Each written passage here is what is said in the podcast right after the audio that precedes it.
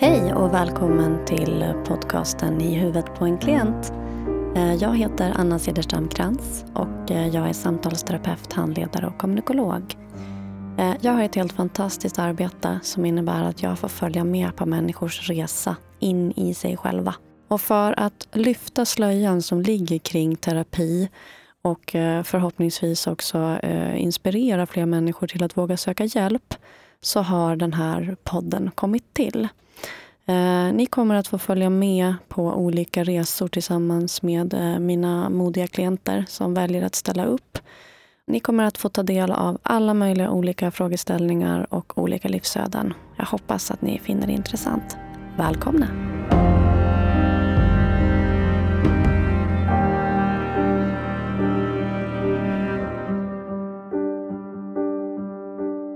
Hej och välkommen till I huvudet på en klient sitter jag här i poddstudion igen och har med mig ännu en fantastisk klient. Välkommen Moa! Tack så mycket. Vi får helt enkelt börja med någonting annat idag och det vill säga du ska inte ha röstförvrängning och du ska ha ditt riktiga namn. Ja. Hur tänkte du där? Nej men för mig är det nog, känns det inte som en utmaning att eh, prata om mina problem för personer som aldrig träffat mig. Eh, utan det är väl mer jobbigt kanske för personer som känner mig. Och jag väljer ju vilka jag vill berätta för att jag ens är här. Och för mig kanske det är en större utmaning då att berätta för familj eller vänner att jag har spelat in ett poddavsnitt, ni får gärna lyssna. Mm. Det känns lite läskigare mm. um, och det är lite det jag vill utmana mig själv för också. Så det här är lite en utmaning du gör till dig själv? Ja. Aha. Eh, vad spännande. Mm. Vi får se hur det går idag då. Vad gjorde att du bestämde dig för att börja prata med någon? Jag hade tänkt på det väldigt eh, länge. Eh, jag eh, kände väl mycket under min gymnasietid att jag inte mådde jättebra. Då jag hade problem med prestationsångest, stress. Eh, och jag märkte när jag väl slutade skolan att eh, men det var väldigt mycket relaterat till skolan. Det var då prestationsångesten satte igång. Så jag gick eh, något år eller två år sedan när jag väl ska börja plugga eller när jag väl skaffar mig ett jobb som, där jag känner det här igen så behöver jag börja gå i terapi för att jag vill inte känna så. Eh, för precis efter gymnasiet hade jag en del jobb men de var inte så väldigt lugna jobb. Liksom. Jag mm. kände inte så mycket prestationsångest inför dem. Eh, så jag hade tänkt på det väldigt länge. Mm. Eh, jag gick även på massage hos dig. Så jag mm. visste att när jag väl ska gå i terapi då men då går jag till Anna. För jag Hade du bestämt dig för det då? Ja. Ja, det visste ja. ju, det var ju faktiskt mer än vad jag visste. Ja. eh, men vad som fick mig att liksom boka min första tid, eh, det var att min mormor hade gått bort. Mm. Eh, och det hade gått några månader och först kände jag att så här, nej, men jag, jag klarar det här själv. Tills det kom till en punkt där så här, nej det gör jag inte. Jag behöver prata med någon annan. Liksom. Mm. Och då kändes det så enkelt och naturligt och bara, ja men nu bokar jag den här tiden. Jag har ju tänkt på det liksom länge och känt att jag kommer veta den dagen som jag vill börja gå.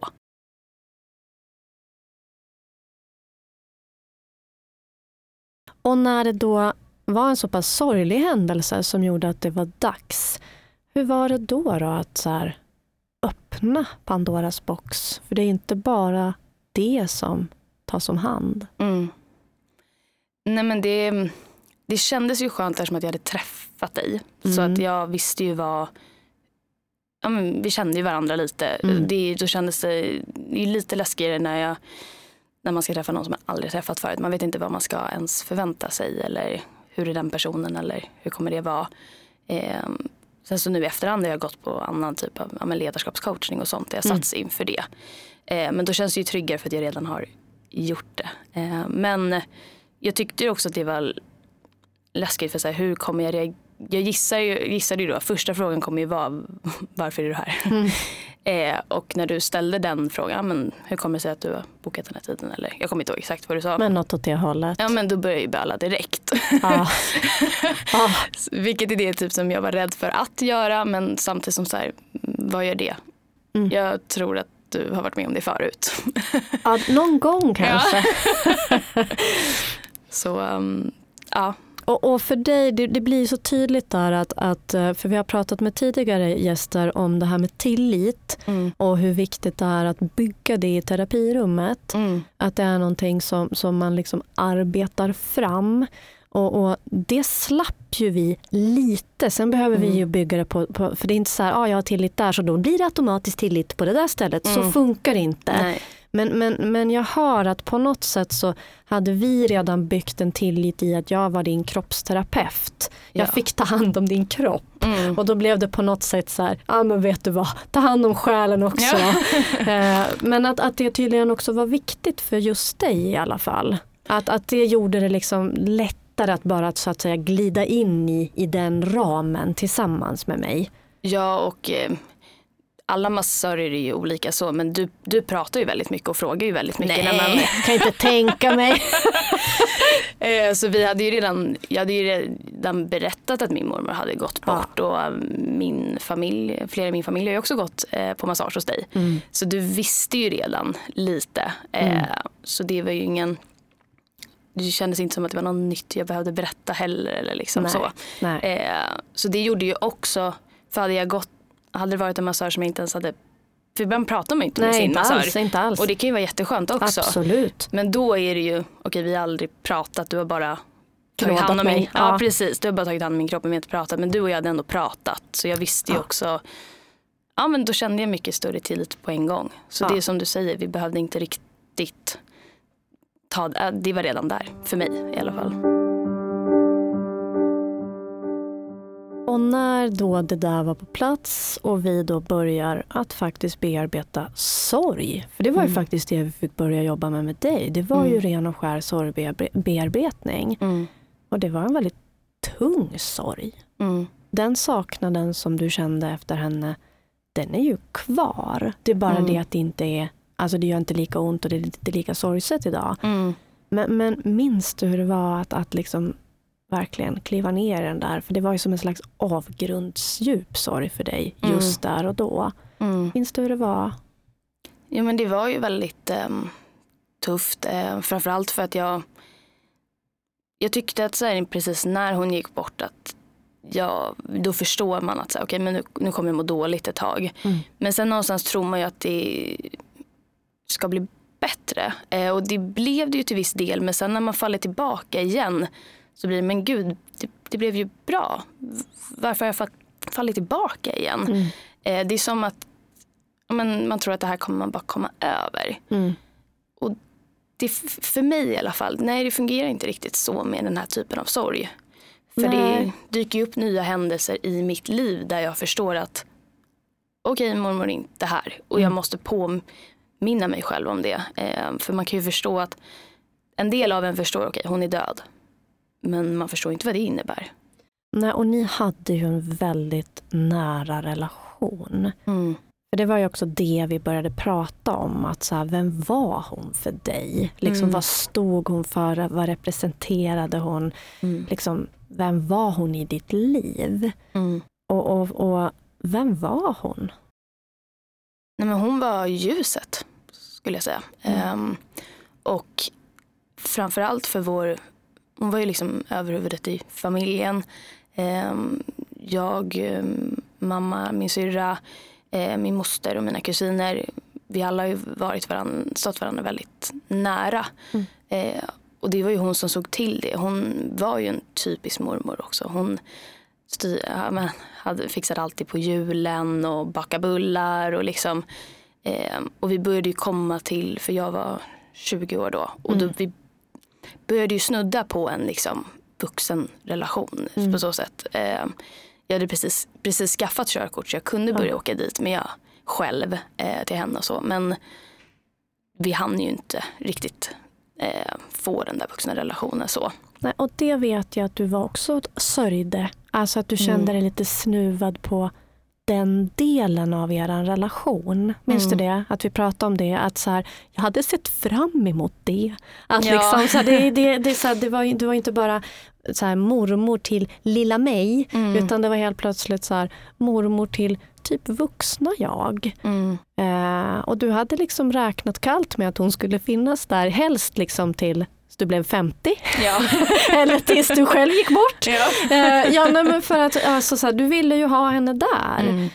Eh, så, så det jag tror att, att sorgen efter mormor var ju en del i sorgen. Mm. Men sorgen var ju faktiskt också så här, det som inte blev. Det vi inte Mm. hann med. Mm. Förstår du vad jag menar? Ja, och det var ju när jag förstod. För först när hon gick bort då försökte jag mer vara glad över de sakerna jag fick uppleva. Mm.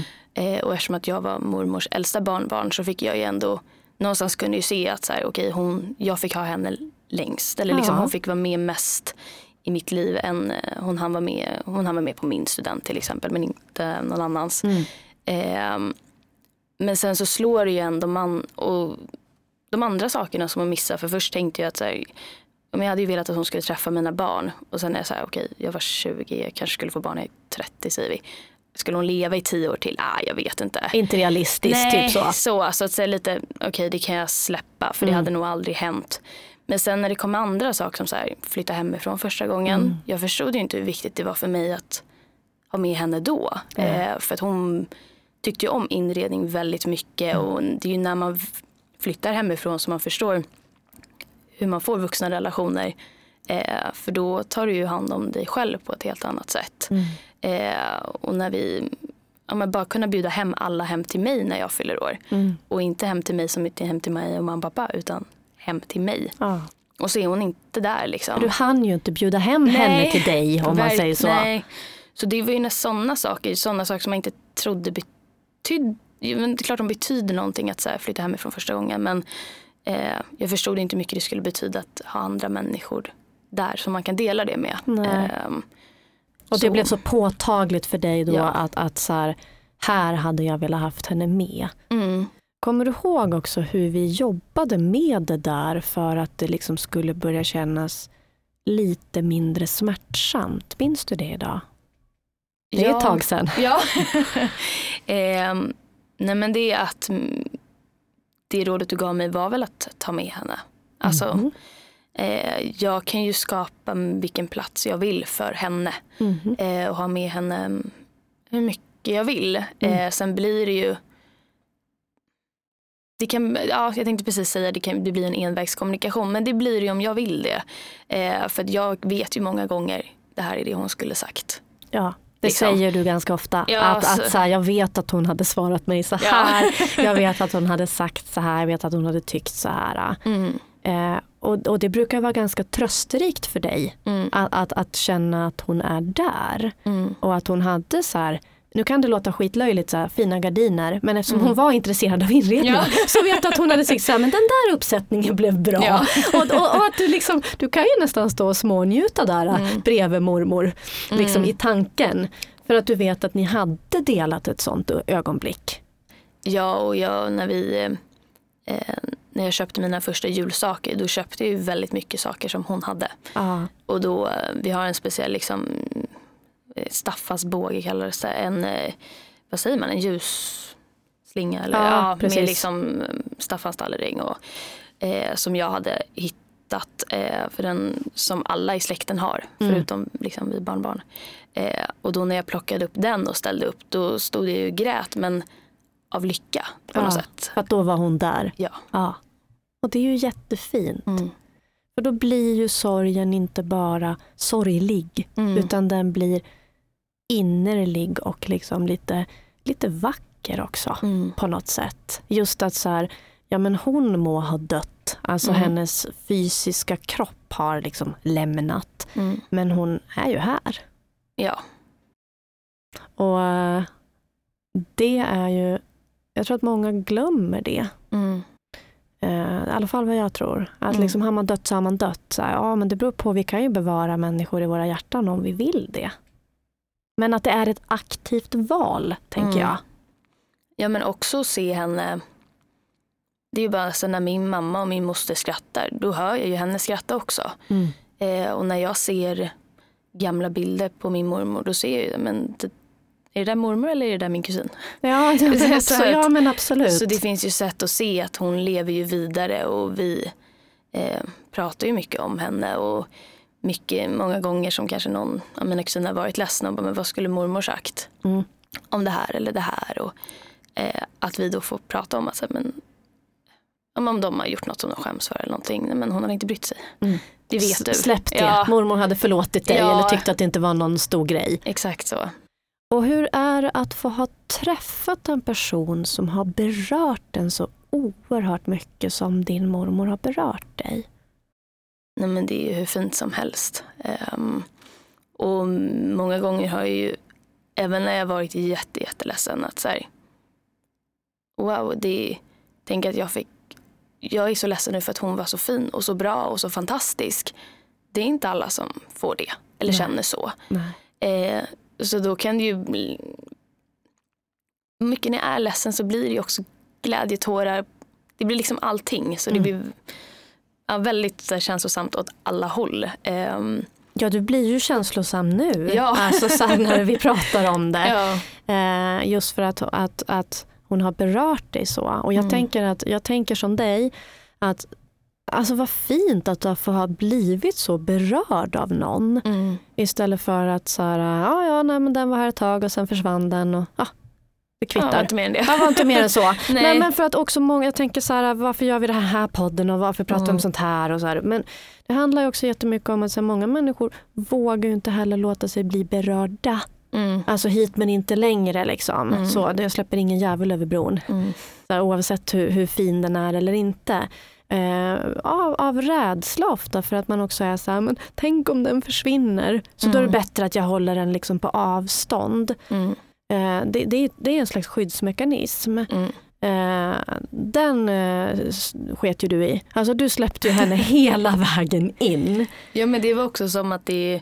Och hon vet- tog sig in. Ja, ja men exakt, det gick inte. Eller liksom, jag vet att eh, ja, men när man kanske var i så här tioårsåldern och jag tänkte ja, men när jag blir tonåring ja, men då behöver inte jag gå på alla de här släckgrejerna. Eller liksom. Mormor kanske inte är så viktig Nej, då. alltså, typ. då är jag tuff liksom. Mm. Eh, men det har ju aldrig varit så med Nej. mormor. Det, är, ja, det, har- det har ju snarare varit tvärtom när man är där i tonåren. Så här, "Men varför vill inte ni åka till era mormor? Mm. Det vill, det vill man väl, eller? eller? Mm. Mm. För att, eh, ja, jag har ju aldrig kunnat, jag har säkert varit kaxig mot henne, men knappt. För att så här, hon gjorde allt för en. Så, eh, hon, var ju, hon tog ju verkligen vara på att vara en mormor där man inte behöver vara en förälder. Mm. Utan man kan vara den roliga och härliga. Ja, men där och, kunde man spela kort och där kunde man busa och bada och eh, baka och vad Ja, man nu ville göra. Liksom, allt så, sånt. allt sånt. Mm, Eh, och, och som sagt, istället för att bara sörja över att det är borta så tror jag att man också faktiskt då får göra som du har gjort. Mm, Välja att glädjas åt allt det härliga man faktiskt fick och hade tillsammans. mm,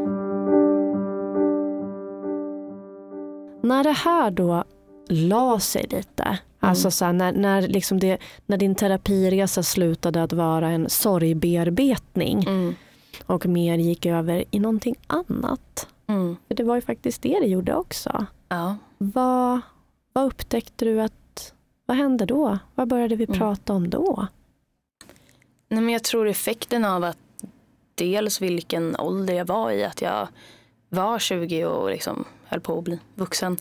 Eh, också att det här hände att jag på något sätt får möta vad innebär det med att någon går bort. Mm. Eh, och jag, även om hon hade cancer så jag var inte beredd riktigt på att hon skulle gå bort och jag ehm, ja men jag tog, precis som du sa jag tänkte att hon alltid skulle leva. Mm. Och då när det slår en att så här, okej folk kommer inte alltid leva. Och det betyder inte att folk kommer dö, alltså personer kommer dö imorgon eller liksom. Nej, men de, men de imorgon, kommer gå bort. Ja, så det är det. Liksom. Så funkar ju livet liksom, Ja. tyvärr. Eh, och då blev det nog att också att jag reflekterade mycket över vad vill jag i livet? Vem, vilka vill jag vara vän med? Vilken Mm. relation vill jag ha med min familj? Mm. På ett annat sätt. Det är klart jag hade tänkt om tankarna, eller alltid tänkt om tankarna så. Men jag tror att jag snabbade på den processen. att Okej, hur vill jag ha det? För att jag vill inte ha det halvdant. Eller jag vill i, eh, för mig är det också viktigt att ta vara på de relationerna man vill ha. För jag vill aldrig ångra någonting. Nej. Eller inte visa kärlek eller liksom. Slösat min tid på fel Nej. saker eller fel personer. Eller. Exakt så. Ehm, Och det är en ganska ung person ändå som får en sån här, man skulle nästan kunna döpa den till en sån här existentiell kris. Jag Mm. hatar att allting måste heta en kris. Ja. Jag kan tycka att så här, bara så här, eh, existentiella funderingar. Eh, men, men det var ju liksom så tydligt att många är ju kanske runt, om man ska generalisera vilket jag hatar men nu tänker jag frångå mina principer. Mm. Många är runt 40 när de Mm. kanske säger, men eh, vem är jag och vad vill jag egentligen och har jag Mm. rätt bekantskapskrets och ska jag verkligen jobba med det här? Alltså så här, Mm. det, det är oftast någonting som kanske kommer i kappen lite senare i livet. Mm. Sen är ju alla olika, tack och lov. Mm. Men, men den här, den här, det här dödsfallet öppnade ju på något sätt den porten till dig som sagt redan i 20-årsåldern. Mm. Så du började ju faktiskt brottas då exakt med det du sa. Ja. Med så relationer och hur vill jag ha det och hur ska jag tänka och vem är jag och vem vill jag vara. Och, Mm. och hur var det att vara så ung och brottas med de tankarna? För jag kan tänka att det var inte sånt som alla dina jämnåriga liksom Nej. brottades med. Nej. Ehm, nej men det är ju. Jag tror, vi- vissa delar kommer också naturligt för när man. Det är klart att jag innan det här har mått dåligt i mitt liv och haft det tufft. Men det här var ju första gången jag fick någonting som jag kunde ta på. Mm. Eh, för jag menar prestationsångest. Jag kunde, inte- kände inte att jag kunde säga då så här, nej men jag orkar inte komma när du fyller år för jag har prestationsångest. Nej. Jaha, för Nej, vadå? För Eller va? vadå? Ja, Ja. men precis. Medan nu att man, jag började sätta gränser för mig själv. att så här, nej men Jag är ledsen, jag vill inte vara på en födelsedagsfest med alkohol eller med människor jag inte känner. Det känns Eh, inte bra för mig. Nej, Nej. och det var mycket lättare för andra att acceptera. Mm. Ehm, och, eh, och jag lärde mig själv också att förstå, för jag hade inte heller accepterat om någon bara, ja, men jag har prestationsångest, jag vill inte komma när du fyller. Alltså jag hade inte accepterat Nej, men det hade själv. tyckt så här, vad töntig du är. Ja. Typ så då. Ja. Exakt så. Eh, Medan nu så förstår jag ju mer liksom, eh, Mm. att man kan ha, ha det så. Mm. Eh, så att, eh, till viss del kom det nog naturligt också att eh, okej, vilka vänner vill jag vända mig till? Mm. Vilka känner jag ger mig stöd? Mm. Eh, hur, blir, hur blir mina relationer nu när någon har gått bort? Också i familjen. Mm. Eh, och jag skulle säga just det här, vi har ju kommit varandra mycket närmre. ehm, eh, för att vi, det är ju de enda som förstår mig är ju mina kusiner.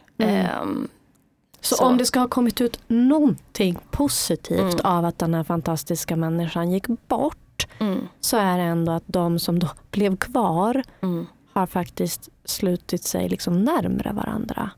Ja, vi gör ju jättemycket mer nu. Ehm, ja, men bara, det blev en tradition efteråt att mors dag firar vi alla tillsammans. Mamma, moster, kusiner, lillasyrran. För att Ja. nu, det, nu, nu har inte de någon mamma längre.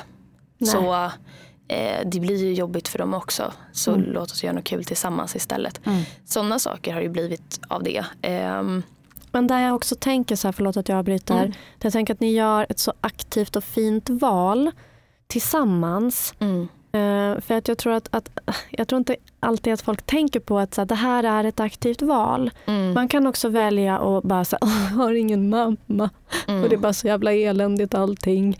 Och, och så sitter var och en på sin kammare med jättemycket sorg och liksom kan vi bara typ stryka mors dag ur kalendern. Vi behöver typ, typ inte prata om den helst, Mm. tack. Alltså det är också ett val. Mm, Och så har man er som är så här, vet ni vad, vi, så här, vi väljer kärlek, vi väljer Mm. så här, gemenskap. Vi väljer så här, att göra något fint tillsammans. mm, Nu när vi inte kan göra det vi, det vi gjorde tidigare eh, så gör vi så här istället. mm. Är du med på vad jag Mm. menar? Att jag kan tycka så här, men vad härligt att höra att ni gör ett så aktivt val där ni väljer någonting som tillför någonting väldigt positivt i ert liv. Mm. Trots att hon är borta. Ja. Ja.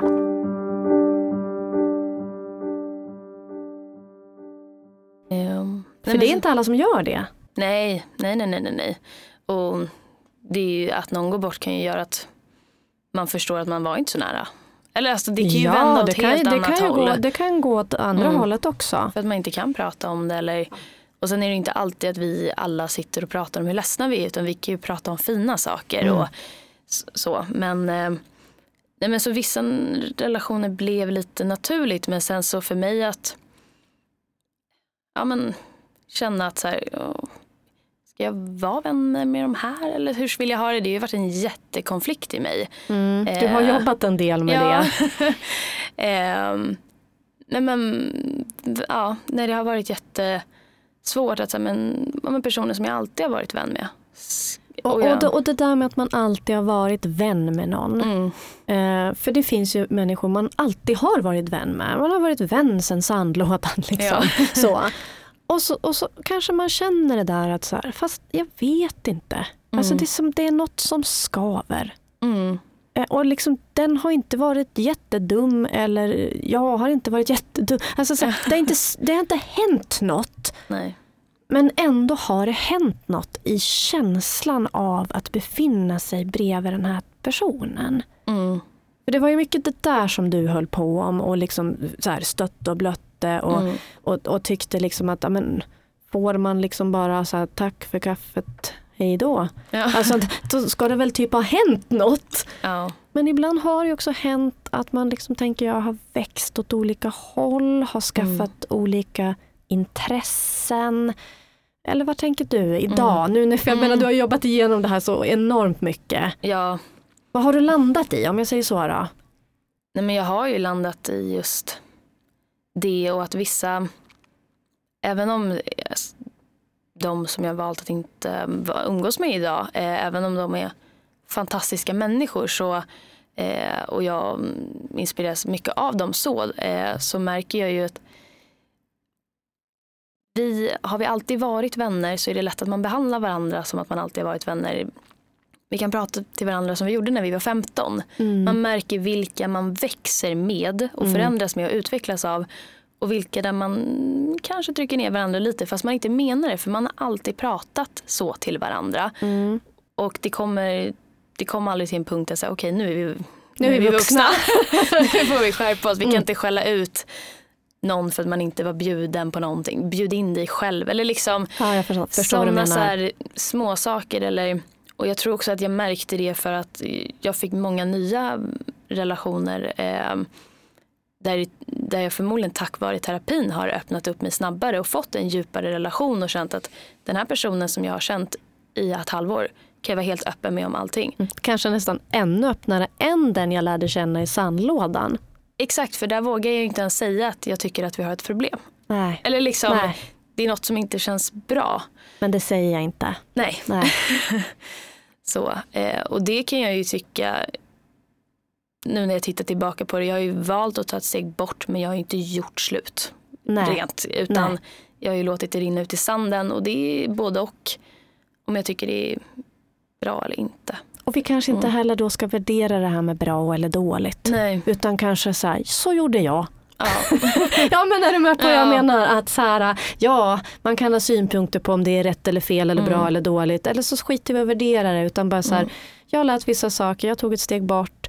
Men jag kan ju också tänka så här, ja, måste man alltid göra slut då? Behöver det också vara Nej. så oerhört drastiskt? Vissa tror Mm. jag man absolut behöver göra slut med. Man bara så här, Mm. du sårar mig, du gör mig illa. Mm. Så här, det, liksom så här, det här känns osunt. Mm. Då behöver man nog göra slut. Mm. Men om det verkligen är så som du säger, det är så vi har nog bara växt isär, vi delar liksom inte samma intressen. Vi, så mm, det känns inte lika härligt när vi ses. Mm. Men du har inte gjort den personen någonting och den har inte gjort dig någonting. Då kanske man inte behöver göra slut heller.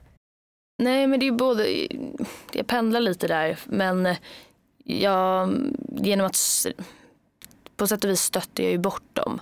Är det så du känner? Ja, och ah, det, okej, det då, för, då förstår jag vad du menar mera. Och Då det, rann det inte bara ut i sanden utan det var Nej. faktiskt en frånskjutning. Ja, och Ja. det kan jag idag inte, eller så vill jag inte göra om det här uppstår igen. Ehm, för då lämnar jag ju dem med massa frågor och nu har ju de gått vidare och de bryr sig inte om det idag. Ja, I sådana fall hade de väl sagt till.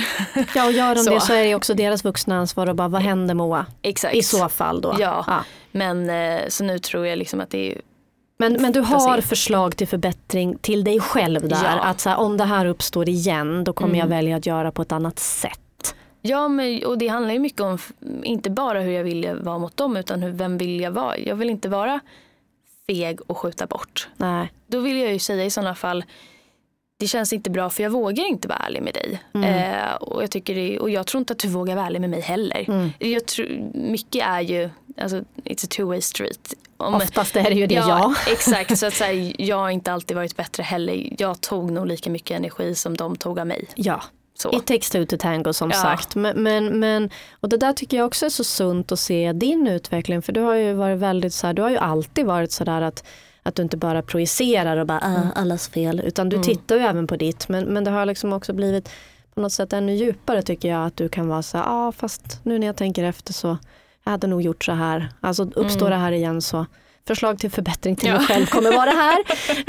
Eh, men, men, men jag tänker att det är ett, ett ganska bra sätt att förhålla sig till sig själv. Mm. Att, att våga göra, för det är också ärligt och modigt, Mm. tänker jag. Alltså det är inte bara ärligt och modigt att säga till någon annan att så här, du, Mm. utan det är också ärligt och modigt att säga till sig själv att så här, ah, det här hade jag ju kanske kunnat gjort på ett bättre sätt. Ja. Ja. För det handlar ju om personlig utveckling. Mm. För, för många är så här, jaha men vänta säger inte du emot dig själv här nu, man ska inte klaga och klanka. Nej, men vi pratade ju inte om klaga och klanka, vi pratade ju om liksom förslag till förbättring. ja, för jag tänker ju inte att jag är världens sämsta människa för att Nej. jag gjorde på det sättet. Utan jag förstår varför men Mm. jag vill ju bli en alltså, Not, vill go- not gonna mig. do it again om man säger så. Exakt så. Men så kan det vara, been there, Ja. done that but don't want to do it again. Mm. Om du då tänker, nu har inte det här hänt, men det, det händer någonting i någon ny relation du har Mm. och så uppstår det här. Har du då, har du då ett tänk att så här, du ska göra lite så, så här, där som du sa, att så här, då ska jag säga till mer om vad det handlar om? Eller vad, vad tänker Ja. du att du liksom vill göra för förändring då? då? Nej men framför allt för det eftersom att vi var ett tjejgäng som känt varandra hur länge som helst så kunde jag ju se tendenser till att så här, okej vi pratar skit om varandra. Vi gör det. Eh, vi kan säga att vi pratar ut men nej för vi pratar ju inte med varandra om det. Nej, utan om varandra. Ja. Exakt och det är då, nog snarare då när jag märker tendenser till att jag faller tillbaka eller andra, för jag har ju liksom små tjejgäng idag så. Eh, märker jag att oj nu börjar vi falla dit. Då blir det så här, har vi problem då tar vi upp det. Eh, Och då, prat, då får vi prata om det. Eh, Även om vi tycker det känns läskigt att ta upp den här saken med den här personen. Då får vi göra det. Annars får vi sluta snacka om det. Mm. Eh, för det tror jag är liksom steg ett. Att inte hamna i att man tar varandras energi. Ja. Så. Och det, är en, det är en klokskap att ta med sig. Eh, och, och någonting som jag tror att många människor tycker är jätteläskigt. Alltså Mm. jag har ju full respekt för att man tycker att det är läskigt att fejsa någon och bara det här tycker inte jag känns bra mellan oss. Och Här Mm. tycker jag att du var otydlig. Och, Mm. alltså så här, det, jag förstår att det känns tufft för många. Mm. Men ju ärligare vi kan vara desto, desto renare blir ju relationerna. Ja. Eh, men, men det kan vara svårt. Ja, gud Och då ja. får man ju öva. Alltså, Ja. då får, det är väl det man får göra, man får väl öva. Mm. Eh, och jag hörde ju där att du sa att så här, ja, men jag tror också att terapin har liksom bidragit till att jag här, öppnat upp Mm. snabbare. Eh, vad tänker du där? För jag, jag tänker på att, att du hade ju lite svårt att öppna upp och släppa in. Ja. Eh, hur, hur förhåller du till det där idag? Nej, men det, jag tror att så, vi har ju pratat om det men det har inte varit det har ju varit ett väldigt stort issue för mig och vi har inte pratat om det så mycket som det har varit ett issue om man Nej, säger så. Precis. Eh, men jag tror ganska naturligt av att så här, någonstans så tar jag ju ett aktivt val att betala för att prata om mig och För mina att problem. öppna upp. Ja, Ja, men, ja men faktiskt, absolut. Ja, och då blir det ju någonstans att så här, jag, dels blir jag ju tryggare i mig själv och säkrare och känner ju att det som har varit min rädsla innan har ju varit, ja men tänk om alla lämnar mig eller tänk om jag blir ensam. Mm. Nu känner jag inte så. Nej. Ja men då blir jag väl det. Eller liksom jag klarar mig själv. Eh, sen vill jag inte behöva klara mig själv. Jag vill Men det är en annan sak. mig. Ja. men eh, så det har kommit ganska naturligt eh, för mig att vara mer öppen och ärlig och just att från start att märker jag någonting, oj det här reagerar jag på. Det behöver inte handla alltid om att någon vän gör någonting fel utan det kan ju handla om ett sätt de tänker om sig själva eller ett sätt de tänker om sin partner eller andra vänner. Att då våga ifrågasätta och gör man det lite från start då får man ju den relationen där det är öppet. Och då märker du ju tidigare också att okej den här personen kunde inte hantera det. Nej, den kunde inte ta feedback här. Nej, då behöver inte vi umgås. Nej. Eh, och, och, där, och det, det är där igen du ibland Mm. gör ett aktivt val då. Mm. Att så här, om, om den här personen inte alls kan se sin del eller kan ta Mm. feedback så här, men jag orkar inte. Jag tänker inte wastea min tid på det då. Nej. Det blir för komplicerat liksom. Mm. Ja. Eh, och, nej, och det, du har ju helt rätt för vi har ju inte pratat jättemycket om det. Mm. Eh, lite grann har vi nämnt det, Mm. men, men mer liksom i formen av att, att jag har typ så lite tyckt så här, ja du är ju ganska hemlig. alltså, ja men du minns ju att jag har liksom sagt de där sakerna. Eh, och, och, och för och nackdelarna med det. Mm. Eh, men, men, och, och för att jag, det behöver inte vara något fel på att vara väldigt privat och lite hemlig men, Mm. men ibland så, så blir det ju då också att, att, att relationer inte riktigt kommer så där nära som man ibland önskar. Mm. För att man själv inte vågar. Mm. Och där tänker jag att terapin är en oerhört nyttig träningsplattform. Exakt. Precis som du så klokt säger, så här, jag betalar dig för att du ska lyssna på mig. Och för att jag ska sitta där och lyssna så Mm. betyder det att du måste ju säga något. Alltså, du måste ju prata om någonting. Du måste ju då öppna upp och berätta någonting som, Mm. som är jobbigt för dig eller som är fantastiskt och härligt och som du vill utveckla. Mm. Tycker du att det är skillnad idag på hur du vågar öppna upp även i terapin? För jag skulle ju säga att det är skillnad på dig idag, Mm. men det är min reflektion. Mm. Ja. ehm, och just bara gått det du sa att så här, ja, men ju mer jag ger desto mer kommer jag ju få. Mm. Det var ju det innan, min första session innan jag började böla Mm. så var ju det det första du sa. Ju mer du ger mig desto mer kommer du få. Och det tror jag att jag har tagit med mig. Ju mer jag, ju mer jag ger i relationer desto mer kommer jag ju få tillbaka. Ja. Eh, men ja, det, vissa gånger kan jag nog ha känt att så här, ah, jag kunde liksom prata. Alltså, Jag kunde ha sagt det här också ja, eller? jag kunde ha sagt det här mer Ja. så. Vissa gånger. Eh, men det, är- då blir det ju en lärdom till mig själv så. Men annars så känns det mer, ja men då, då om jag kommit nästa gång och bara okej men nu, nu pratar vi om det här som jag inte ville prata om förra gången. Eller nu tar jag i det här. Då, känns, då blir det lättare och lättare för varje gång. Eh, så det är absolut, det, det känner jag. Och det kan, ja, sen kan det svacka någon gång. Men det, är- det är så det är liksom. Ja, och var sak har sin tid. Mm. För att ibland är det ju så att trots att man tycker så här, fast nu är jag så bekväm hos min terapeut, så här, nu känner jag att jag så här, för det mesta kan så öppna upp. Mm. Ibland är man liksom inte klar heller. Är du med på vad jag Mm. menar? Att så här, ja, jag skulle ha kunnat prata om det idag men av någon anledning så gjorde jag ju inte det. Mm. Eh, och det behöver inte alltid heller vara fel. Alltså Nej. förstår du vad jag menar? Utan Mm. så det skulle ligga till sig ett tag till. Ja. Och så liksom, är det fortfarande då en issue eller vad jag ska säga, så här, men då kommer det ju förhoppningsvis sen. Mm. Och det där tror jag är en lärdom för oss alla även i livet. Att ja, men damn it, jag sa liksom inte det där där. Nej men du kan väl säga det om tre veckor då. Ja. Alltså, för många gånger är det så här, det är för sent. The Mm. moment is gone. Mm. Och, och det brukar jag tänka så här, men nej, kan väl skapa the moment. Mm. Alltså var inte the moment där och då, då får man ju ta det liksom när det uppstår. Mm. Eh, men, men då gäller det ju däremot att man tar det. För det är det Ja. som många inte gör heller, utan, Mm. alltså, både i livet och i terapi. Mm. Utan så här, äh, men som sagt, nu är det passé. Mm. Och så blir det liksom bortglömt. Mm. Eh, och, och, och där tycker jag mig se också en utveckling på dig att om något är glömt Mm. då kan du liksom ta upp det. Ja. Att så här, men det här har liksom, måste jag ta ett varv till Mm. med och, och sådär. Mm.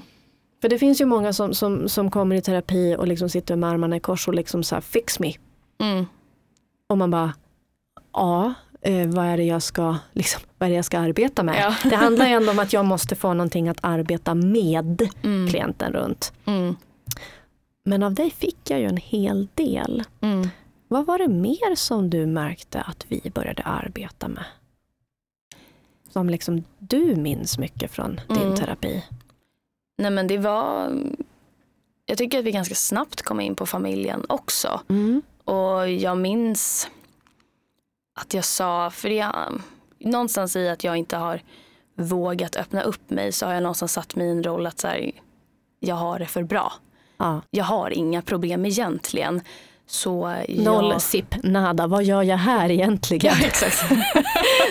Vad gör jag? Nej, men, eh, och då har jag, det har blivit någon liksom sanning som jag har satt för mig själv att jag har det för bra. Så jag ska inte prata om mina problem. Eller Nej, jag, jag ska inte gnälla. Inte. Jag ska inte Nej. gnälla. Jag har ingenting att gnälla på. Den där har Mm. man ju hört x antal gånger från dig. Ja. Eh, och i min familj, vi är fyra syskon med tre olika mammor. Mm. Eh, och mina föräldrar är tillsammans. Så jag har alltid tittat på mina äldre syskon och tänkt okej, okay, de har det tuffare än mig för de har skilda föräldrar. Mm, det har liksom inte jag. Nej, jag har inte det. det så jag, jag, har det bra ja. Jag har det mm. bra ja. Eh, och min lilla syster, vi har ju samma föräldrar. Eh, tittat på henne och tänkt att okej, okay, jag är äldre, jag har haft det lite lättare med vänner, med skola. Eh, jag vi båda haft hög prestationsångest men vi har hanterat det på helt olika sätt. Mm. Eh, och då vi, jag har satt mig i någon roll att här, jag har det för bra, låt mig fixa andra. Mm. Eh, och satt den rollen i min familj fast det är ingen som har sagt det till mig. Ingen har bett dig att ta den rollen Nej. om jag säger så. Nej. Nej. Men den har du ju tagit med hull och hår. Ja. Själv. Ja. eh, och där började vi också att jag, för jag vet att jag bara slängde ur mig det. Att så här, nej men jag är den som har haft det bäst. Alltså, mm. Det har gått bäst för mig. Ja, du tyckte ju egentligen att det var bara något du sa i förbifarten. Ja. Kommer du ihåg det? Och jag var så här... ja, du, du bara, ursäkta, vad, vad menar du nu? Eh, ja. Stämmer det där? Eller vad, vad spelar det för roll? Eller liksom... Mm. Ja, vi började ju verkligen ta i ja. den då. För jag, mm. jag har varit så här, stopp. Ja. Vad är det du liksom sitter och säger här? Ja. Och då började du göra lite reflektioner.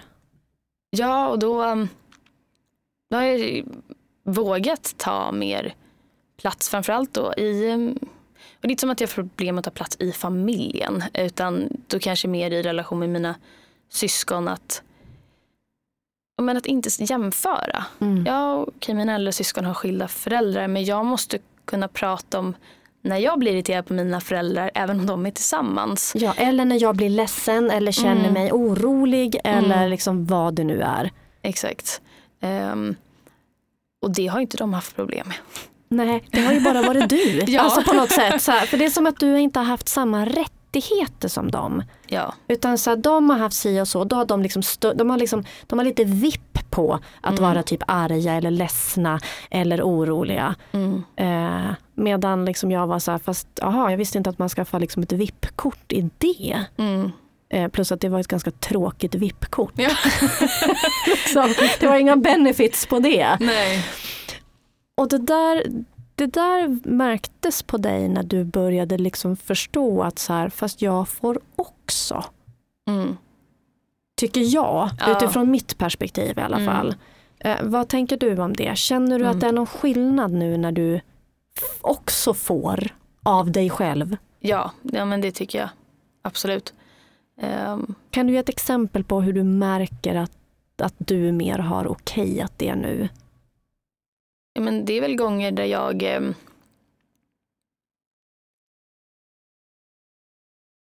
ja, men om jag blir irriterad på mina mm. syskon för mm. någonting eh, och innan kanske jag tänkt att ja, men jag förstår dem. Eller liksom, och, ja, men jag fattar det är på grund av det här och det här. Och, ja, nej, men, ja, hen har ju inte haft det så himla lätt. Nej, liksom så. Det är okej att de inte dök upp den här gången ja. eller var med på det här eller så. Men där jag idag tänker, så här, okej, jag vill ju gärna förstå varför eller hitta mm. någon form av anledning för mig själv. Men där är också så här, ja, fast ska det drabba mig? Mm. Och jag tycker inte det var okej. Okay. Ja. Du kan till och med gå dit, ja. till den tanken. Så jag tycker mm. inte det var okej okay att du inte dök upp där. Nej, eh, utan för jag vill ha dig där. Mm. Eh, och om du den här gången irriterad på pappa säger vi. Jag vet inte. Eh, ja, men vi kan ta det som ett exempel. Ja. Så att du är irriterad på pappa och väljer att inte dyka upp här. Mm. Det drabbar även mig. Exakt.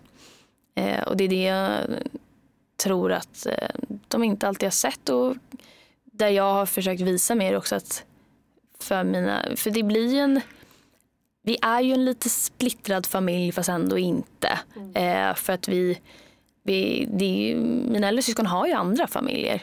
De har ju andra mammor med eh, andra syskon eller låtsassyskon. Eh, så jag, mamma, pappa och min lilla syster, vi är ju en familj. Men vi alla sex är inte en familj. Det är min familj men vi är inte en Men inte en kärnfamilj på det Nej. sättet eller vad man ska säga då. Exakt, så att eh, jag har ju försökt visa mycket att jag bryr mig om dig och jag vill ha dig där. Mm. Så du vet att jag bryr mig i alla fall. Mm. Eh, du är viktig för mig liksom. Ja. ja. Eh, och det försöker jag väl göra på olika sätt. Kanske, kanske inte alltid säger exakt så rätt ut men ändå visa att så här, jag uppskattar att du kunde komma. Eller liksom. Mm. Eh, och jag tycker det här är roligt och jag vill att vi är alla tillsammans. Och liksom, så. Eh, det är väl mitt sätt att försöka hantera. Jag väl inte kommit till punkten där jag kanske varje gång vågar säga ifrån. Eh, men steg ett för mig är väl att jag själv hittar att okej, okay, jag tyckte inte att det här var okej okay, och jag har rätt för mig själv att tycka att det här var inte okej okay, eller det här kändes inte bra eller jag får vara ledsen över det här eller arg över det. Det är okej. Och det är ju verkligen som du säger, det är ju steg ett. För att mm. jag menar, där var du ju inte. Som mm. sagt, du fick ju liksom inte tycka det mm. för dig själv. Mm. Eh, så, så jag kan ju verkligen se den utvecklingen i att nu kan du liksom komma och verkligen tycka då att så här. Det här gjorde mig sur. ja.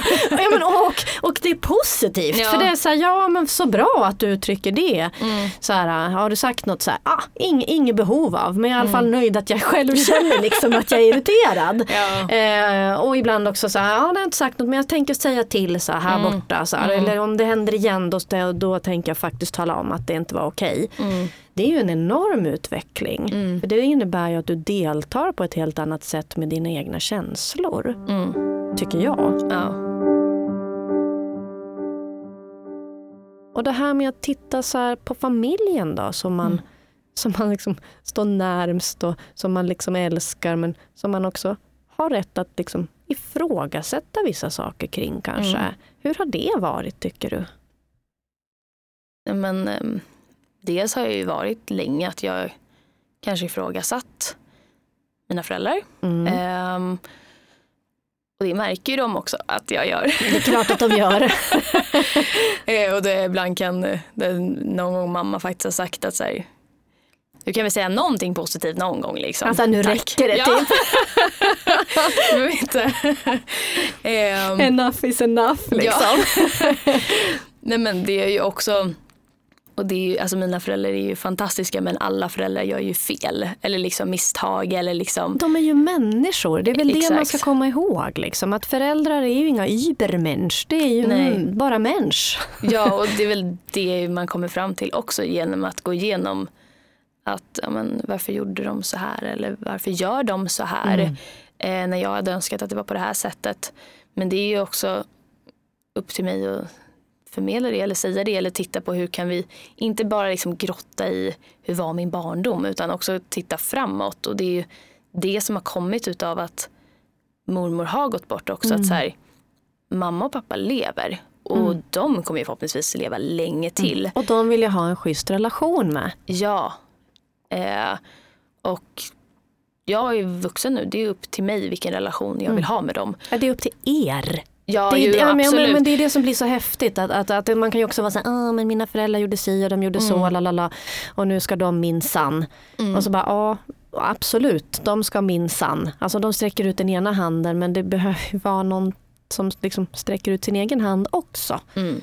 Eh, och, och, det där handlar ju också om att, att man helt plötsligt ska ha en vuxen relation med sina föräldrar. Jag menar som sagt, du mm. var 20 när du kom. Mm. Precis liksom in i vuxenlivet där. Mm. Hur upplever du relationen med mamma och pappa idag? Nej, men den, jag tycker den bara blir bättre och bättre. Mm. Och det blir också för att jag bor inte med dem så vi bråkar inte på det sättet. Ja, men alltså, nöter liksom inte på varandra. Nej, nej, verkligen inte. Och även när jag i början när jag hade flyttat hemifrån då kom jag hem ganska ofta och nu gör jag inte det alls. Um, och det gör ju att pappa brukar inte höra av sig så ofta men det är pappa, jag, alltså det gör mig inte så mycket men jag kan ju snarare då höra av mig till om praktiska frågor. Ja, till pappa då. Ja, liksom. ja men absolut. eh, och det är där vi hittar varandra och han får hjälpa mig med saker. Mm. Och framförallt i liksom, om det är jobbet där jag kan ringa och fråga honom eh, saker, så här, hur borde jag tänka här eller göra si eller så. Mm, så där känns det att, att liksom, där har ni hittat en form av, mm. liksom, där, där det också känns så här, åh, vi blir glada båda två. Han blir glad att få hjälpa till och jag mm. blir glad av att få hjälp. Liksom. Ja. Alltså stöta, blöta och tänka liksom, mm. tillsammans med honom. Ja och han är ju väldigt mycket så som visar uppskattning genom tjänster på det mm. sättet. Eller liksom, mm. vill jag ha hjälp med någonting hemma, ja men då bjuder han på middag så kommer han med borrmaskinen. Alltså, ja. så, så, så här, och det jag vet ju att han tycker om det också. Diskbänken är sned, liksom. då kommer ja. han där med verktygslådan. Liksom. Ja. ja, nej, men alltså så. Det är väl mm. jättehärligt. Mm. Men mamma då? För ni, ni mm. liksom hon, så här, pappa står för det där lite mer praktiska hjälpen. Ja. Hur är det med mamma då? Vad, liksom, vad vänder du dig till? Med, vad har ni liksom? Mm. Vad pratar ni om? Och vad är det liksom ni har för relation då idag? Eh, nej men det hon ringer eh, lite då och då Mm. och bara så här, hur är läget, vad händer, Mm. stämmer av. Mm. Eh, och där tänker jag oftast, där väljer jag, vissa tillfällen så är det så här, nej men det är bra, lugnt, och vissa tillfällen pratar vi mer. Och där, det är ju upp till mig också vad jag, hon ringer ju. Så Mm. att så här, om jag tycker, vill ta mig tiden att prata eller inte, det, det är upp till mig men det är också, det, ju mer jag ger desto mer får jag. Å, återigen, den där igen liksom. Ju mer jag ger desto mer får jag. Ja, exakt. Eh, nej men jag tycker den är, eh, jag tycker att den är bra eh, och jag känner att den bara kommer bli bättre och bättre. Eh, Och mer emotionell va? Alltså så här, Ja. att, att, att liksom, om, man nu, om man nu ska så här hårdra det så står pappa mer för det praktiska. mm, Medan så här, om jag har uppfattat det hela rätt så pratar du mera om så här, hur du mår och hur du känner på ett djupare plan med din mor. ja, och det, det blir ju mer automatiskt också för att hon frågar på ett annat Ja sätt. men precis. Men sen har jag inga problem att prata om det med pappa och vissa saker. Ja, men jag har ju lättare att prata om sex och mens med pappa än vad jag skulle ha med mamma. Att det där är så roligt. Att det, har ju liksom, det har ju verkligen Ja. varit så här, så här, nej men det är pappa och jag som Ja. pratar om. Så det är så intressant. Men det blir ju på sånt sätt praktiskt också. Precis, vi pratar Ja. praktiskt här kring sex och mens. Liksom. Ja, men jag behöver Jag hämta ut preventivmedel, kan Ja. du hjälpa mig? Ja. Jag, måste ha tampong. Nej men alltså, Ja men vilket Det- jag tycker är så himla befriande för jag tänker så här, det är Mm. så otroligt många som inte skulle kunna prata så med sin Mm. pappa. mm, Alltså där det blir skämmigt och pinsamt och det kan vi väl liksom inte prata om och eh, så. mm, Och där jag tänker så här, bara det här visar ju ändå liksom vad ni står lite på för plattform med varandra. Mm. Att, men det är väl klart att vi kan prata om det, det är väl liksom Mm. ingen biggie. Nej. Medan för massa andra människor så har man inte alls den relationen med, med, Mm. med kanske varken mamma eller pappa. Ja. Utan det är något man liksom sköter själv. Ja. Liksom, så. Men inte eran familj. Du har ju också så börjat fundera mycket liksom kring dig själv i största Mm. allmänhet. Mm, Eh, alltså inte bara så här på, äh, bara, men, men liksom, nu har vi pratat om så här eh, existentiella saker med liksom så här, men så här, varför lever man och hur ska man vara och Mm. liksom eh, döden och komma nära och inte vara nära och eh, hur mycket ska man ge och vad ska man få, vilka ska man inte ge till. Alltså det har ju varit mycket sånt här. mm, Eh, och mycket titta på vem blev jag i min familj och är det någon roll jag har fått som jag ska typ avsäga mig mm, och, och sådana saker. Men sen kommer vi bara liksom till, till bara dig. mm, Där, är så här, där du ju också vet att du har så funderat att så här, jaha, nu är jag här och nu Mm. är jag den här. Hur tycker du att det har varit att upptäcka fler delar av dig? För det mm, blir ju lite så när man går och, och pratar med någon och tittar på sig själv. mm, Då upptäcker man ju bra och dåliga, som sagt jag avskyr det där uttrycket, men Mm. liksom sidor som man säger, mm, inte så stolt över de där, eh, Mm. den där, usch skäms att, vad jobbigt att jag är så där. Och också så här, ha, det där är mina kvaliteter. Och, och så här. Men också så här, ibland Mm. helt dolda saker. Där mm, man säger, jaha, mm, vad spännande det här var. Ja. Hur är det att, att, liksom att, att verkligen lära känna sig själv på det där sättet tycker du? Nej, men det, det pendlar ju väldigt mycket. Det är ju otroligt skönt på sätt och vis att här, jag känner också att jag kan sätta ord på vem jag är eller vad jag bara att kunna sätta ord på vad du är bra på Mm. gynnar ju väldigt mycket. För ibland vet man ju som jag är bra, men vad, vad är det som är bra med mig? Jag är bara så här allmänt bra. Ja, jag är vanlig. Så, precis. Eh, nej men sådana saker och det blir ju också att, ja men nu när man bor själv, vad, vem är jag, vad vill jag, vad har jag, vad vill jag ha för relation? Eh, inte bara med vänner men när man kommer till kärlek eller liksom hur tänker jag, hur tänker jag där? Eh, och det har ju också varit eh, en resa i sig. Eh, Hur menar du? Nej men framförallt att eh, ja, men jag ser mig själv som så här, jag är självständig och jag klarar mig själv. Mm. Eh, men det är ju dels att komma till att så här, okej jag klarar mig själv, men vill jag det? Mm. Och det har ju varit ett steg i att liksom börja släppa in folk och jag ju känner att så här, men vänner kan jag släppa in, familjen släpper jag liksom mer och mer in. Eh, men kärlek har ju alltid varit liksom Lite så, wow, Aha. gud så läskigt. Ja. Ja. Eh, men där jag i det också ja, men till exempel insett att jag gillar inte bara killar, jag gillar tjejer också. Mm. Eh, och att eh, jag har ju alltid tänkt att så här, när, när man hör folk eh, komma ut, vilket Mm. jag tycker är ett sånt löjligt uttryck Mm, idag. Liksom, mm. För att det, vem, Det, borde, är, det borde inte ens vara en grej. Nej, vem är jag att döma vilken sexuell läggning någon har? Mm. Ehm, så. Men då har jag ju alltid tänkt så här, men, för jag har aldrig brytt mig för att så här, det är väl inget problem. Eller liksom, du får väl Nej, men du har du varit vill. ganska obrydd kring den Ja. frågan. Och tyckte att så här, varför gör de det här till en grej? Mm. Tills jag själv går igenom det och bara, det är ju fan en grej. Ja, det vet jag att du sa. Att du bara, eh, jag reviderar lite det där jag sagt tidigare. Eh, typ den. Eh, Och varför är det en grej då tror du?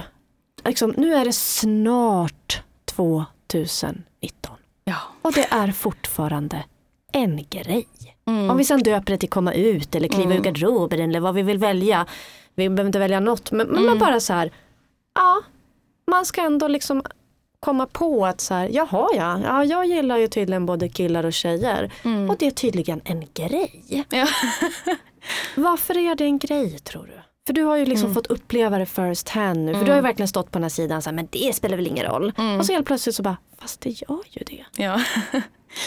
Men det är ju något som spelar roll för en själv. Alltså på så sätt att men dels att bara tänka så här framåt. Okej, det är inte självklart att jag kommer skaffa barn med en man. Utan Nej. min framtid kan se helt annorlunda ut och ett barn kan komma till på andra sätt. Ja, Eh, som jag inte hade tänkt på. nej, Typ så. Ja. Alltså det skulle, det skulle i alla fall inte vara så i mitt liv om man säger så. Exakt. Eh, så dels den biten men också att så här, lite titta sig omkring och bara okej jag gillar alla kön. Som, eller ja, de två Och, vad jag vet jag som brukade finns. ju skoja med dig och bara vilket smörgåsbord. Ja. Men är, i början blir det ju så här, okej, det är inte som att man gillar alla för det och det är ju en självklarhet. Men det blir ändå så här, gud jag blir exponerad för det hela tiden. Hur ska jag, ska jag ens behöva tänka annorlunda eller? För innan har det ju varit som att så här, Ja, men 50% av, av liksom befolkningen har ju varit diskvalificerad på kärleksfronten. Om man ska vara rent krass. Exakt. Så vi kan bli close friends, vi kan Mm. bli det och det, men där stannar det. Ja. Nu är det helt plötsligt så här, eller vänta, är hon min girlf alltså, Ja. girlfriend? Eller vänta, vad känner jag här Mm. nu? Eh, och eftersom du också liksom är bi, Mm. eftersom du verkligen är så här, ja men det skulle kunna vara en kar, ja. men det skulle lika gärna kunna vara en kvinna. ja. Eh, har det här fått dig att och liksom, ja men just sådär ifrågasätta liksom så här, ja, men hur, hur, gör man, hur gör man nu? Mm. Hur vet man vad som är vad? Eller vad har liksom Mm. hänt när du har upptäckt att så här, okej tjejer är också några jag faktiskt skulle kunna ha en kärleksrelation med. Mm.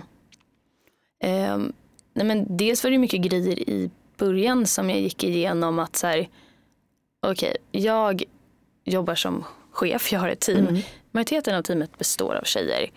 Behöver jag tänka annorlunda? Mot, nej, inte för att de vet vad, Nej, vad jag nej, gillar. men, men, ändå Men, eh, liksom. Måste jag tänka annorlunda nu tills jag, så här, tills tills jag kommer till en punkt där så här, alltså vänta lite. Det är inte som att jag beter mig annorlunda mot killarna. Det är inte som att jag tänker att så här, Äh, äh, oj, jag, äh. nej, det är inte som att jag får klappa en av killarna i mitt team på axeln för då kommer den tro att jag är intresserad. Nej, men det, eller hur. det är ju inte så. Så varför skulle jag vara annorlunda mot tjejerna? Så Men du bara, har ändå behövt tänka den tanken. Förstår du? Ja, du har ändå precis. reflekterat Ja. i att säga jaha, mm, Eh, Och bara det tänker jag är så himla intressant. Mm. Att, att, att man ändå gör det. Att så här, behöver jag bete och så bara, men vänta jag är väl inte knepigare mot killarna bara för att mm. Och det är Eh. det jag menar lite med att det blir det är inte en grej, men det blir en grej för du går igenom mycket tankar i dig. såklart. Eh, och att eh, ja, men just sådana saker, eller så här, jag har typ bara tjejkompisar. Mm. Eh, Ska de tänka något annorlunda om mig nu? ja, Om de vet att jag är bi? ja, och när jag liksom har berättat för några, de bara, men är du dum eller? Du är ju Du är du. du. Varför skulle jag tro att du var intresserad av mig? jag bara, nej, nej det är ju sant. Och det är jag inte heller. Verkligen inte.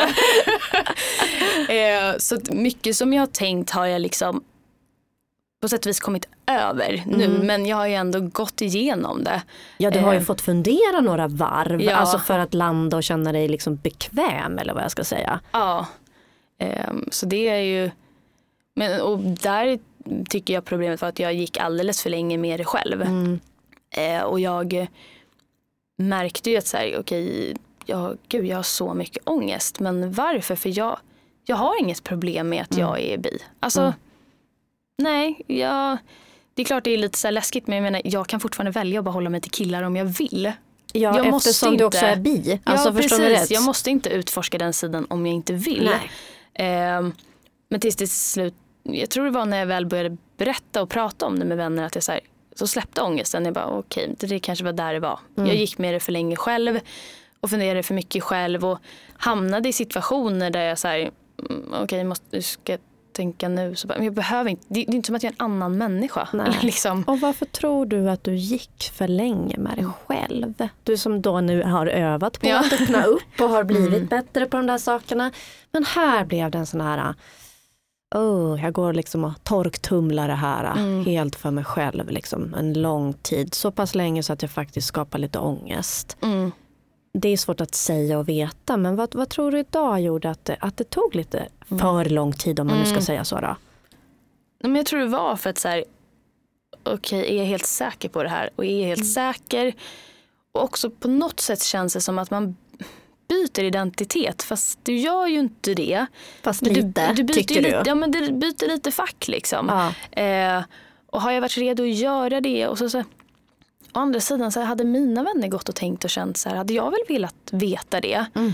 Eh, men viss, vissa saker som jag också, för jag har ju känt något så här, jag har inte riktigt berättat det här för mina föräldrar och jag har känt att det är den första frågan alla ställer. Mm. Har du pratat med dina föräldrar? Vad säger, där jag är så här, har känt, för men de, alltså de är ju som jag. Mm. De bryr sig inte och de, de är de sista personerna att liksom för, bestämma vilken läggning jag har. Mm. De är inte de som säger hur går det med grabbarna liksom. Eh, och där om vi ska klaga på saker de har gjort dåligt är det här något som har gjort fantastiskt bra. Liksom. Ja. Det är ingenstans jag känner mig tryggare och där jag också Alltså det har ju inte att göra med det. Det har ju inte att göra med att du tänker så här, gud jag kommer göra dem besvikna och Nej. nu kommer det vara si och så, lalala. Liksom, det har ju inte med det att göra. Men, det har ju, men du har ju ändå inte berättat riktigt än. Nej, och det är för att jag känner att så här, ja, men, det var någon gång jag var på middag som jag tänkte ska, ska klinga, hallå. Bara så att alla vet. ja, och där jag nej, alltså för, för de har inte satt en stämpel på mig. Nej. Jag behöver inte byta fack för dem för jag finns inte i något fack för dem. Eh, och det är ju så jag känt kring människor, jag till exempel aldrig, vissa människor har jag ju sagt till förut att jag var heterosexuell för Mm. att jag trodde ju det. Och jag ser det ju som att jag var det och nu är jag inte det längre. Mm. Nej men precis. Eh, så där ser ju alla det olika. Men människor runt mig som inte, ja, men där jag inte har sagt min läggning till, det är upp till dem vad de sätter mig. Liksom. Men personer som, där jag har satt min läggning, där kan jag ju känna ibland så här, oj, jag måste, Jag måste, korrigera, jag måste Ja. korrigera den typ. nu har det förändrats. Ja. Eh, Nu har det hänt en grej. Så där känner jag väl mer behov av att eh, kanske säga till, jag är inte alltid det men eh, Ja, men det har hänt att du ändå har liksom berättat för någon för att liksom sätta dig då på rätt ställe tycker du? Att du ändå har velat sagt att så här, det här har hänt, liksom, jag har upptäckt den här sidan hos mig själv. Ja, eller det, det passat. Ja, men, ja, men, jag och mina kusiner och min syrra vi var i Göteborg och så var det Pride. Och så skulle vi på en gayklubb så jag kände så här, nej, jag kan lika väl berätta att ja, kanske blir att jag hånglar med någon tjej ikväll. Vem vet? Anything can Ja. happen. Who knows? Eller hur? och då blir det ju mer så här, och de är ju exakt likadana. Ja men okej, vad kul. Ja. Eller så här, ja. Och, jag, och, jag, och där tänker jag så här, ah, det var härligt om det kunde få vara så för alla. Ja, exakt. Tänk om det kunde få vara så, så här, jaha. Mm. Och så var det liksom ingen big deal. Nej. Utan att man säger, ja det trodde jag inte. Mm. Eller så här, ja men det hade jag anat. Eller Ja. ingenting. Att bara säga, jaha, ja ja. För att ibland har man ju anat eller trott eller velat eller hoppats på. Mm. Ja. Vad vet man? så, så det är klart att, att det här är liksom någonting man verkligen önskar att det skulle vara väldigt okomplicerat kring. Mm. Och då tycker jag det är så fint att du delar nu också att trots att det för dig är du kommer från en uppväxtmiljö där du känner dig helt övertygad om att så här, det kommer inte vara en grej. du har själv tyckt att så här spelar roll. Mm. Och sen när det ändå händer en Mm. så bara oh my god. Det var lite större än jag hade tänkt mig. Att, att, att liksom då kan man ju förstå de som då kanske kommer från så här, det, det är trångsynt och man har fått Mm. höra både det ena och det andra och homosexuell, ja, är liksom, de kanske förhoppningsvis kan botas. Och Mm. Det finns ju tyvärr fortfarande folk som har växt upp med sånt. Mm. kan man ju förstå att det blir större motstånd och hinder Ja men gud ja. till att verkligen våga utforska den delen av sig själv. Mm. Eh, tror du att, att det är skillnad på att också kom, att, att liksom hitta att man är bi Mm. än att man då, om jag lånar ditt uttryck, byter helt fack? Ja. jo, men det, ehm, eh, det tror jag. Eh, för vissa kanske det bara är skönt. Alltså, de kanske har känt att så här, jag har varit med fel kön hela tiden. Nu förstår jag vad det var som kändes fel. Äntligen liksom Ja. har jag fattat. Nu har jag Typ. hittat Ja. rätt. Så har ju inte jag känt det. Nej. För att jag har ju känt att jag har varit rätt hela tiden. Du har bara gjort en komplettering. exakt. eh, så det eh, Men sen så just det här med liksom framtid. För det handlar ju inte bara om så just hur man ska skaffa barn. Nej. Utan jag har ju tänkt så här, okej men om jag skulle ha en flickvän och vi skulle resa. För jag, ja, det är öppet i Sverige men inte, det kan bli bättre. Alltså verkligen. Ehm, men om man reser till andra länder, kan jag hålla min flickvän i handen? Eller inte? Så det blir ju Och på många ställen inte. exakt. Det är det som är så obehagligt. det är, det, som, ah, det är så sjukt hemskt. Eh, och då blir det ju att där finns det ju lite begränsningar och saker du behöver tänka på. Mm. Eh, men i ett heterosexuellt par behöver du liksom inte göra det eh, på det Nej. sättet. Nej. Du har ju den lyxen att du inte behöver tänka alls. Liksom. Nej, för att det är ju då inom någon slags normalitetsmall. Ja. Eh, och det, och det, det är ju rätt obehagligt Mm. 2019 snart. Ja. Att det är så. Mm. Men det är ingenting som du räds för. Och, utan det är mer så Mm. att du tänker så här, "Ah, jag kommer få tänka på sådana saker ibland. Om Mm. jag har en flickvän Mm. och ska åka dit och dit eller göra det och det. Mm. Nej, men det är lite i början så skrämde det mig men nu känner jag så att det ja, jag har ju ingen flickvän så jag menar, det är inte ett problem nu. Nej men du kan ju skaffa en. Ja, det är det. det. Vi Men vet det- ju liksom inte vad det blir här. Nej men då känner jag också så här, det är ingen idé att jag oroar mig för det nu. Nej. Låt oss ta det när det kommer i sådana fall. Och det är också då, det är det också som jag tänkte att så här, varför skulle jag gå och berätta min läggning för alla? För det är inte som att alla som är heterosexuella går runt och bara, eh, hej, By the way jag är så hetero. är jag hetero. Ja. Nej. Nej. så varför ska jag gå runt och liksom rätta folk eller, en- eller liksom de är ju inte helt fel ute liksom. Nej. Om de frågar hur det går med grabbarna. Nej. De, Eh, de, bara, alltså, de har bara halvt fel eller halvt Ja. rätt. det beror på hur man ser det. Ja och jag tänker väl snarare kanske så här att den lärdomen till, till, till svenska folket eller till världen Mm. det är väl att man kanske ska fråga så här, har du träffat någon partner? Ja, Är det exakt. någon som ditt hjärta klappar lite extra för? Mm. Tänk om folk kunde bara börja där. Mm. Eh, och så blev det liksom inte en grej. Mm. Eh, det vet jag att, att det tänker man ju mycket på som, som terapeut. Mm. Så tänker man ju mycket på att man kanske är så här, har du, har du någon partner? Mm. Eh, och så så här, ja, jag och min man och så Mm. är det liksom en kille då. Mm. Och då är man så här, ah, okej, och hur länge har ni varit tillsammans? Mm. Och då vet jag att jag hade just ett, ett, ett, så- en sån klient som var så här, alltså du lyfte inte på ett ögonbryn, du gjorde ingenting, du gjorde inte en min en gång. Jag bara, eh, nej, vad tänkte Varför du på? jag det? Nej men och jag, jag var så här, Ja. jaha nej. Han bara, nej men jag sa liksom att jag är tillsammans med en kille. Jag bara, jaha. Mm. Och så bara, ja just det ja. Fan vad obehagligt. För att nio gånger av tio så får de ett ögonbryn. Mm. Nio gånger av tio så är det någon som ändå Mm. reagerar. Eh, och det är klart att om jag då, som då är hetero, så här, säger att ja, jag och min man, så är det ingen som liksom? Mm. lyfter på ett ögonbryn för det. Mm. Så det är klart att det är synd att det är så. Ja. Så det kan ju vara faktiskt jätte, jätte, jätteviktigt tror jag att vi, att vi alla liksom runt omkring tänker lite på så här, hur vi agerar och hur vi frågar. Mm. Och, och jag tycker att det är så häftigt då med folk som dessutom är så här, ja vet du vad, ena veckan är det det här och andra veckan är det det här. Att, att, jo men att, att det, liksom, Ja. det går att, att ha det på så många olika sätt. Och Mm. vad är det viktigaste? Mm. Jo, det är kärleken mellan människor. Mm. Och det är väl där du också har landat vet jag. Att så här, det viktiga för mig är att det känns rätt. Vet Mm. jag att du sa Ja. när vi pratade om det senast. Mm. Att liksom hjärtat klappar, eh, Mm. det känns liksom bra. Jag känner mig sedd och mött och älskad och Mm. vice versa. Liksom. Har, har det här också varit ett led i att du har vågat möta dig själv mer? Mm. Att det här tror du har tittat fram nu? Är det liksom en slump att det här dyker upp eller är det också för att du långsamt skalar löken och tar lite mer reda på vem du är? Nej, jag skulle inte säga att det är en slump, eh, utan att jag har ju valt att öppna den här dörren Mm. liksom, på sätt och vis.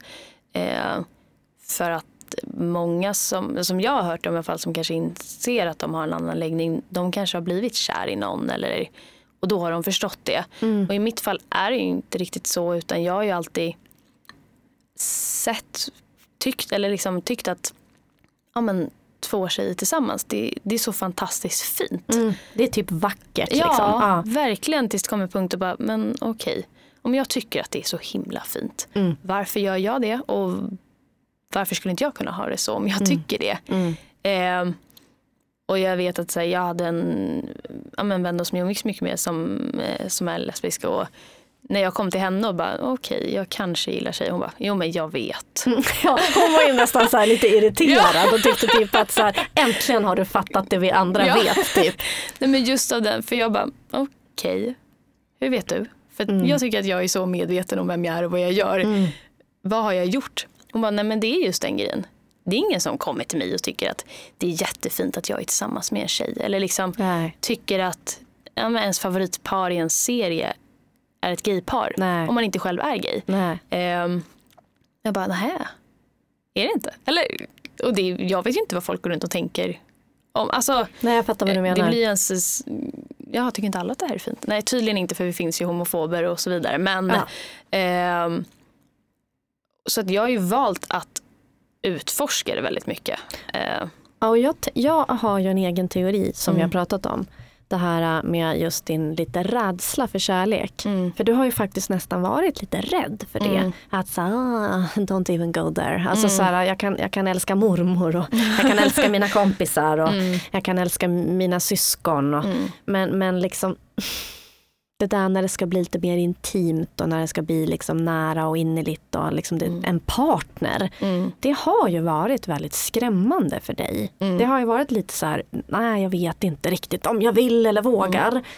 Jag har ju en teori om att det också har att göra med att du inte har heller varit helt på det klara med hur du vill ha det. Nej.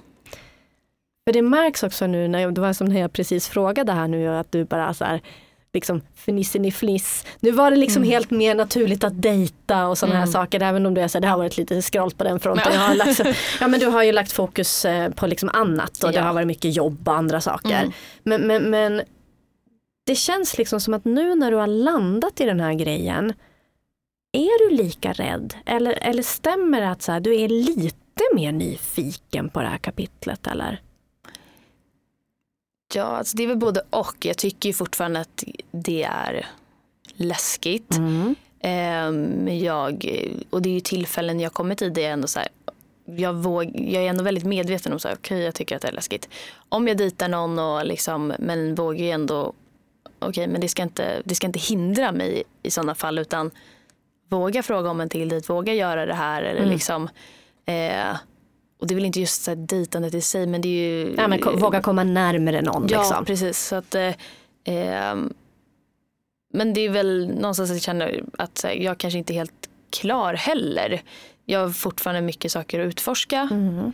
Samtidigt som att jag vet ju inte hur det är att utforska någonting när man är i en relation. Alltså Nej, hur precis. mycket hittar man sig själv när man är med någon annan. Precis. Och är det en bra relation så ska det väl vara så att du fortfarande hittar dig själv eller lär dig nya saker. Liksom. Eh, och, men jag börjar väl också då just komma till den punkten att säga jag kanske skulle må väldigt bra av att släppa garden lite, våga släppa in någon.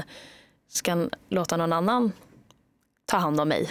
Mm. På att liksom, Apropå det hon sättet. som tar hand om allt och alla andra. ja. Så jag- kan ju det vara en utvecklingspotential, Ja. tänker jag. Att så här, wow, det är kanske någon som ska få komma in och ta hand om mig. Mm. Eh, nej men så både och. Det är ju också nu när, så här, ja, men, nej, jag inte dejtar någon, då är det klart lätt att tänka nej men det är inte läskigt. Mm. Men det är ju när man väl kommer dit som bara okej, okay, det, var, det, var det, var, det var lite läskigt. Ja. Eh, men, men, det finns ju inga dolda kort. Förstår du vad jag menar? Det är liksom lite så jag tänker också. Mm. Att så här, det finns liksom ingen sån här lite blind fläck eller mm. halvt om halvt hemlighet utan mm. nu är det ju liksom det som det är nu. Eh, och, och jag, jag när en, en tro om att det ändå kommer hjälpa dig lite mer på traven att våga mm. vara lite modigare för att öppna upp. Mm.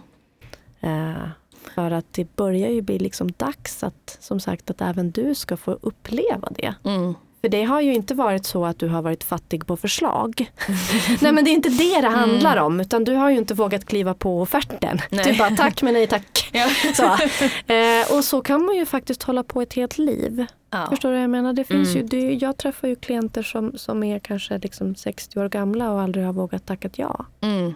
Och, och, och, det är ju sorgligt när man har velat tacka ja. Jag mm. menar det är en sak om man säger men jag trivs jättebra, jag är en ensamvarg, jag vill vara själv, bla bla bla. Om det är självvalt. Mm. Men många gånger har ju folk av rädsla tackat nej. Mm. Och så sitter man där och tittar in på, på liksom tvåsamhet och tänker vad fint men mm. inte jag. Eh, och det är därför jag tänker att så här, jag tror att du är på väg in i en ny era nu. Mm. Att så här, nu kanske jag vågar tacka ja igen. Eller igen, för första gången på riktigt ska jag väl snarare säga. Om det nu är så att någon är där ute och liksom Ska man gå i terapi? Varför ska man gå i terapi? Så här, vad tänker du om det där? Vad skulle du vilja säga till folk som är i så här, eventuella samtalstankar? Men jag är ju väldigt pro terapi och så fort någon av mina vänner säger något som jag bara, nej jag kan inte hjälpa dig, du måste gå i terapi. och jag tror ju att så här, just den grejen som vi pratade om att så här, någonstans är det så fint att så här, ja men för det var ju mormors bortgång som gjorde att jag började. Mm. Även om jag hade tänkt länge på det och vi har ju pratat igenom allt möjligt i mitt liv och kommer ju fortsätta göra det. Mm. Eh, så så här, på sätt och vis, ja men det är väl ett jävla lyxproblem att jag fick en sån fantastisk mormor så jag är så ledsen nu så att mm. jag behöver få prata om det. Men det är okej ändå. Du behöver inte ha så stora problem för att gå och prata. Du behöver liksom inte ha blivit våldtagen eller ha alkoholiserade föräldrar eller utan det kan vara en sån grej. Eller du är stressad eller du är rädd för kärleken eller eh, du tycker att ditt liv är bra men hur kan det bli ännu bättre? Mm. Och just att kanske se det som ett sätt att säga jag vill utvecklas som människa. Mm. Eh, jag vill bli bättre. Eller jag vet inte varför jag är. Jag tycker att jag är ganska bra men jag vet inte varför. Mm. Jag behöver hjälp att ta reda på det. Eller, mm. liksom. eller jag tycker att jag är ganska dålig ja, hela det tiden. Också. Det vill jag fan också veta varför ja. jag tycker. Ja. Alltså det kan ju vara alla de där. Mm. Och, eh, och det är ju den bästa investeringen till sig själv. För då blir det ju också att så här, okej, men om jag ska ha den här terapitimmen och jag ska betala det här, då ska jag ju få ut någonting av det. Jag vill ju inte sitta och tänka att det är därför jag ibland, så här, jag vet vad jag vill med den här terapisessionen så mm. att, eh, nu glider jag in oss på det. Bestämd skön klient här. ja. Det här ska vi prata om idag. Ja. Och sen är jag där och petar och bara, fast nu pratar vi om det här också. Ja. Nej men och då blir det ju att jag vågar också ta min plats för att jag tänker inte betala och inte få någonting av det. Det blir Självklart ju så. Eh, och då, det blir ju också då som att man gör ett statement för sig själv att nu prioriterar jag mig. Mm. Eh, och jag kommer göra det. Så att jag, eh, och nu hade jag ju turen att så här, jag känner mig redan trygg med dig. Men man utvecklas ju otroligt mycket av att så här, gå in och sätta sig med någon man aldrig har träffat. Och Absolut. Det är jag, så att så här, eh, det är ju någonting som jag kanske också behöver göra Absolut. mer. Så att jag, nej. Det finns ingenting att, det är klart det finns saker, nej det finns ingenting att tveka på. Alltså, det är klart man har liksom sina, sina spöken men nej, kör för att alltså, du kommer aldrig ångra dig och sen är det klart du kan hamna hos dåliga terapeuter. Men byt. Byt, Exakt. byt, byt. Sitter terapeuten där och Ja. bara byt. Men alltså jag säger det till alla Mm. mina klienter. Om vi Mm. inte klickar, om någonting inte känns bra mellan oss. Mm. För så kan det vara. Mm. Det handlar om personkemi, det handlar om trygghet, det handlar om massa saker. Den- där stilen passar inte mig. Mm. Usch jag hatar hennes dialekt. ja, men alltså, det kan till och med vara så ytligt. Nej, men liksom, Ja. Om det inte känns bra. Så det finns massor av terapeuter. Mm. Man är ju inte där för terapeutens skull. För det vill jag verkligen haka på det du Mm. säger. Man är där för sin skull. Mm. Så att man ska gå någonstans där man känner att jag får ut något av det, det känns bra. Sen behöver man inte älska sin terapeut som, som person. Alltså Mm. förstår man rätt? Men, men, men, så här, men man behöver ju känna så här att, att så här, det blir någonting av eh, sessionerna som gynnar mig. Mm. Eh, så, så att jag, jag bara så här, jag håller med dig till Ja. 100 procent. eh, och jag tycker också, var kräsna där ute. Jag Mm. får många klienter som säger, ah, du är min tionde terapeut. Man bara, oj, wow, snacka om att du är cool. Du vill ju verkligen, liksom, Mm, du vill hitta ju rätt. verkligen Mm. hitta rätt. Eh, men jag får också de som är så här, ah, jag gick hos min förra terapeut fyra år, det kändes värdelöst. Man bara, Åh! Alltså då är man ju för uttålig. Ja, Alltså sånt. fyra år hos en terapeut inte känns bra. Det gör Mm. ont i mig när jag hör det.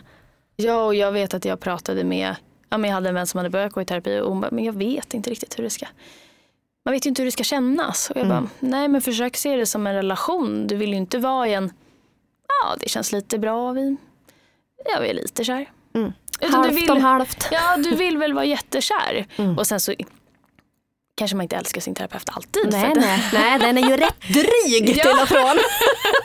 Säger vi Ja. och ler här över mikrofonerna. Eh, nej men eh, så och att jag kan ju bli tokig när jag hör att nej men jag har gått hos min terapeut och sen, sen sa han att jag var klar. Ah, åh.